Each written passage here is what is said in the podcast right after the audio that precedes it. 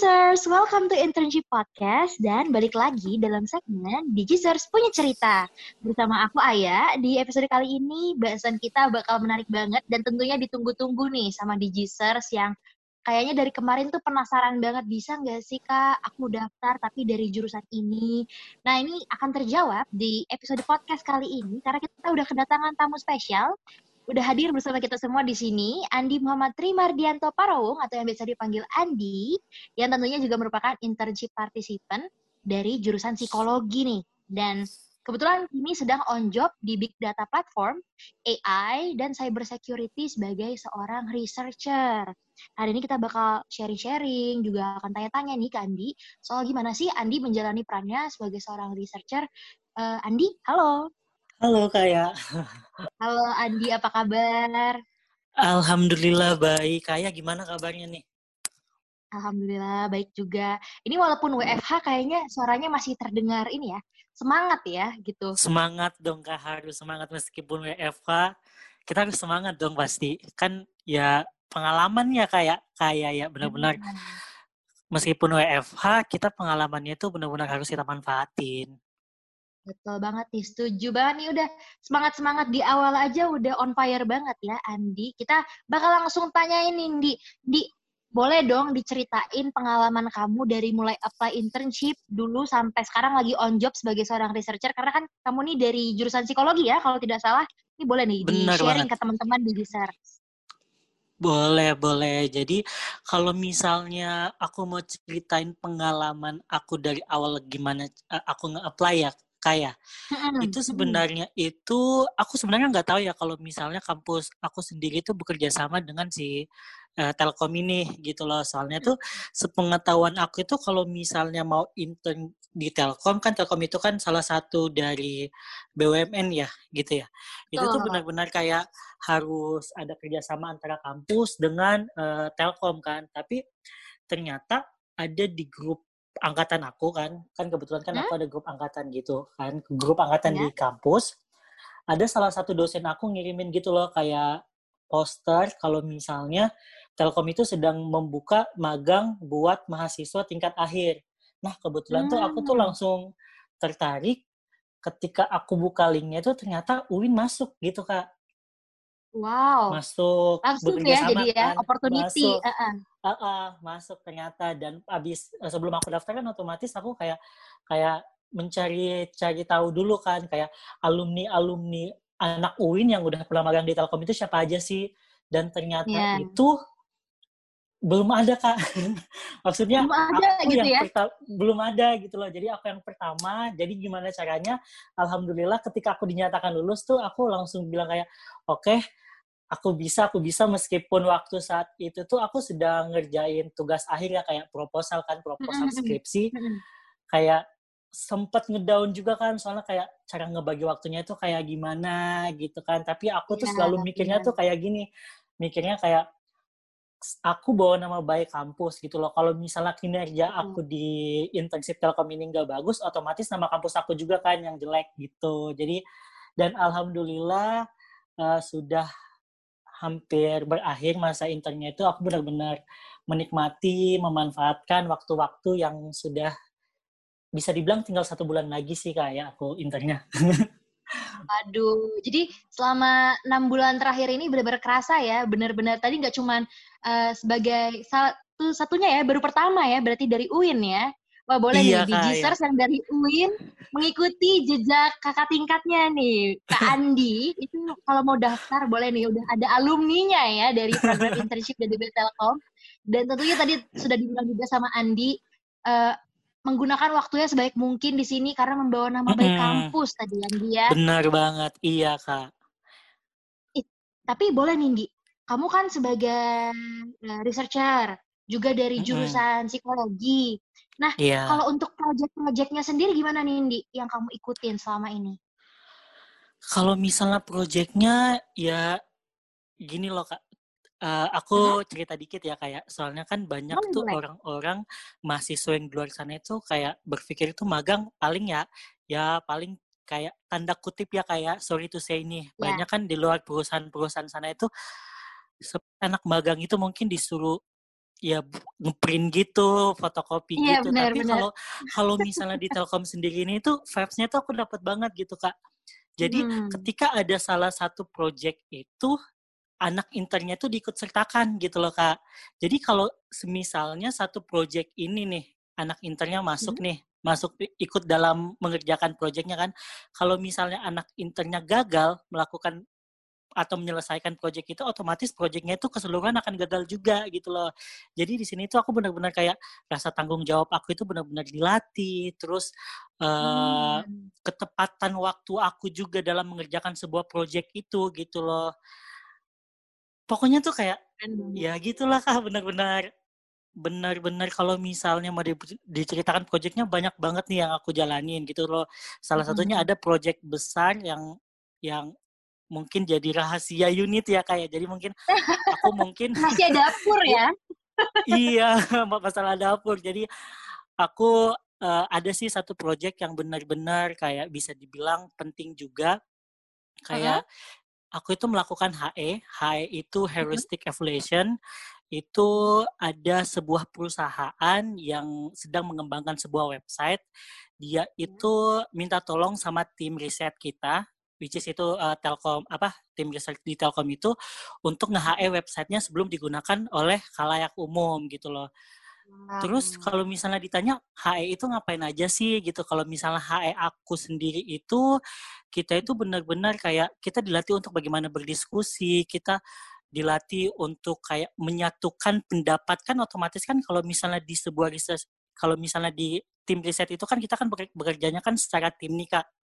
Nah, benar. jadi benar-benar misalnya aku itu pernah bekerja itu berlima berlima dan benar-benar kita itu mempunyai pendapat yang berbeda-beda gitu kan. Jadi gimana caranya nih kalau misalnya si A, oh eh, di website ini kayaknya kurang ini deh tampilannya kurang bagus deh. Sedangkan si B ini bilangnya oh Hmm. enggak kok udah bagus kok kayak gini. Nah si C-nya lagi tuh bilang kayak oh kayaknya dihilangin aja deh kayak gitu soalnya itu enggak bagus deh ng- ngerusak tampilan website gitu kan.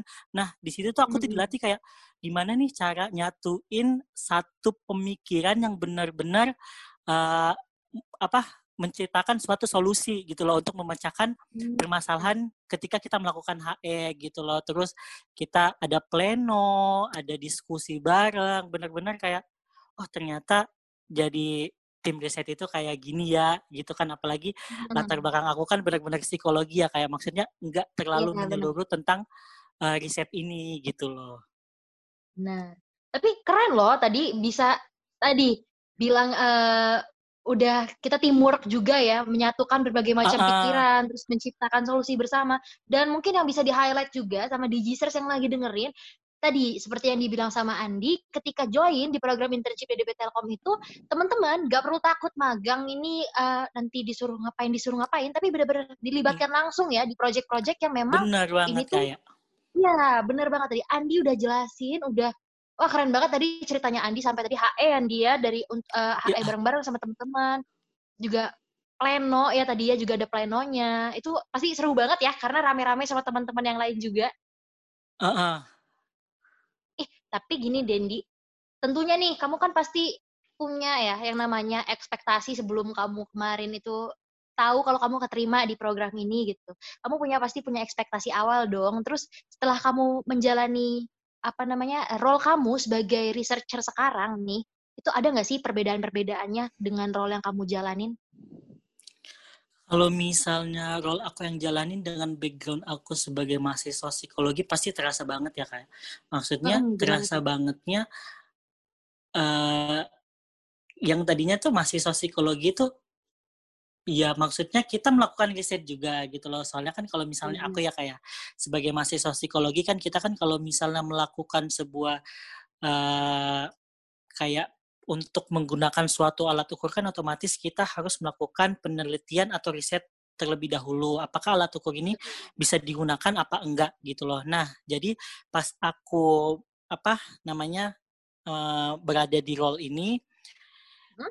yang yang tadinya aku berpikir oh aku di tim riset nih oh berarti ada dong ilmu yang aku bisa gunain gitu loh eh, yang aku dapetin di kampus. Ternyata itu benar-benar kayak waduh berbeda banget kayak benar-benar berbeda gitu kan. Kayak oh ternyata itu kalau misalnya mengerjakan riset di dunia kampus dan di dunia pekerjaan itu ternyata nggak sama benar-benar nggak sama gitu loh. Soalnya tuh kalau misalnya di ya? kampus sebeda itu kayak soalnya kan kalau misalnya di kampus itu kita melakukan penelitian ya udah kalau misalnya datanya udah kita terima analisis udah selesai Betul. tapi kalau misalnya di tim riset di dunia pekerjaan ini itu benar-benar kayak ya kita tetap melakukan analisis pengumpulan data tapi hmm. banyak lagi kak ayah poin-poinnya seperti ada uh, eh, UT ada HE hmm. ada ngebenchmarking benar-benar kayak oh jadi itu benar-benar apa ya kayak tiap-tiap poinnya itu mempunyai definisi dan kegunaan yang berbeda-beda jadi itu kayak ya sangat beruntung banget gitu loh Kak bisa bergabung menjadi partisipan intensif di Telkom ini. Soalnya ilmunya sangat bermanfaat benar-benar ya yang aku rasain itu loh Kak, benar-benar aku mendapatkan banget gitu loh ilmunya. Membantu berkembang ya jadi. Membantu berkembang banget Kak. Nih, tapi ini kita lanjut ke next question nih tadi kamu udah sebenarnya udah ngasih apa ya bocoran sedikit-sedikit nih ke teman-teman di Giser soal manfaat yang kamu dapatin nih selama on job. Tapi boleh nih diceritakan, uh, dijelaskan ke teman-teman yang lagi dengerin podcast kita, apa sih yang benar-benar kamu rasain banget manfaatnya selama kamu on job di program internship di DB Telkom ini? Kalau misalnya manfaatnya itu banyak ya kayak dari gimana caranya aku memanage waktu aku, kedisiplinan, hmm. kayak benar-benar kalau misalnya kan kita WFH ya kayak aku soalnya Betul. sama sekali dari awal aku intern sampai sekarang itu belum ngerasain WFO kan jadi aku nggak tahu tuh sistematika kalau misalnya di di kantor itu kayak gimana tapi kalau misalnya di WFH itu benar-benar kayak kita ada weekly nih jam 8 pas gitu kan 8.00 aku tuh ya. pernah kayak oh oh ya udah deh weekly-nya jam 8.00 aku masuknya jam 8.00 juga deh gitu kan aku join Zoom-nya. Ternyata tuh bukan kayak gitu kak. Ternyata aku tuh ternyata diajarin kayak kalau misalnya weekly-nya jam 8 otomatis kamu harus masuk ya 10 menit lah sebelum gitu loh 10 menit ya sebelum jam 8 gitu kan. Terus aku kayak bener bener banget Oh, jadi kayak gitu ya. Oh, kayak gitu terus itu pertama kayak yang aku dapetin itu aku bisa memanage waktu aku, terus aku mm -hmm. udah bisa tahu gimana cara gimana sih caranya kalau misalnya kita bekerja sama dalam sebuah tim gitu kan terus kayak oh ternyata itu kalau kalau misalnya kita bekerja dalam sebuah tim itu nggak asal kayak dengerin pendapat-pendapat orang nggak kayak gitu ternyata tuh ada sistematikanya mm -hmm. juga pertama misalnya ini terus ke sini ke sini hingga yang terakhir itu kita harus mendapatkan solusi gitu loh dari permasalahan yang mungkin kita alami atau atau apa ya atau itulah ya gitu maksudnya. Iya. Jadi benar-benar tadi ya, mungkin sedikit ngebantuin Andi nih. Jadi nggak cuman meeting itu tadi kita teamwork nggak cuman sekedar mendengarkan pendapat-pendapat orang, tapi memang bersama-sama membuat suatu solusi yang ini tuh memang sejalan uh -uh. dengan apa yang mau kita tuju ya, mungkin gitu ya Andi ya. Iya benar banget kak. Ih, keren banget deh Andi. Jadi manfaatnya kerasa ya Andi ya. Semoga nanti manfaat-manfaat ini setelah selesai, nanti kata, tadi kata Andi udah tinggal satu bulan lagi nih masa internshipnya. Hmm. Semoga nanti setelah graduate, ini bekal-bekal ini bisa dipakai banget ya buat nanti ke depannya ketika Andi apply di dunia kerja yang lainnya di journey selanjutnya. Tentunya ini pasti tentu berguna banget aku yakin banget karena Andi tadi juga udah all out ya selama enam bulan terakhir ya WFH-nya iya kak. Nah, ini terakhir Nindi. Mungkin masih buat teman-teman di Gisers, baik itu yang belum daftar tapi tertarik mau daftar tapi masih minder-minder Nindi soal kayak aduh aku jurusannya bukan non teknik nih tapi aku pengen daftar. Banyak banget soalnya yang masuk DM kayak gitu di kayak eh, nanya nih boleh nggak sih kak anak jurusan non teknik daftar? Ada nggak sih peluangnya? Mungkin Andi boleh nih uh, sharing ke teman-teman yang mau daftar. Atau bahkan teman-teman yang sekarang lagi on job tapi uh, background pendidikannya itu uh, berbeda seperti Andi kayak gini nih. Uh, oh, iya. non teknik gitu ya. Boleh nih pesan-pesan hmm. buat teman di Giser semua. Silakan Andi. Iya kak, sepertinya bukan di DM Instagramnya DDB aja deh yang kayak gitu. Kayaknya aku juga dapat kayak gitu soalnya kak sama beberapa teman-teman aku kayak, Ian itu uh, Andi uh, itu kan hmm. kalau misalnya DB itu kan digital bisnis, sedangkan kalau misalnya aku habis buka-buka Instagramnya itu jurusan psikologi itu atau fakultas psikologi nggak diprioritasin gitu kan, kok kamu bisa masuk sih? gitu kan, terus aku bilang aja kayak gini, aku juga jujur ya kayak aku pun juga sebenarnya sebelum mendaftar intern itu aku sempat kayak berpikir oh aku kayaknya nggak lulus deh. Soalnya kan background aku kan bukan di dunia yang kayak komputer, informatika yeah, kayak bener. gitu kan kayak impossible banget kalau misalnya anak psikologi bisa masuk ke sini gitu kan. Mm. Tapi karena bismillah gitu kan ya mungkin mm. alhamdulillah rezeki juga ya kayak benar-benar mm. kayak aku pun mungkin benar-benar kayak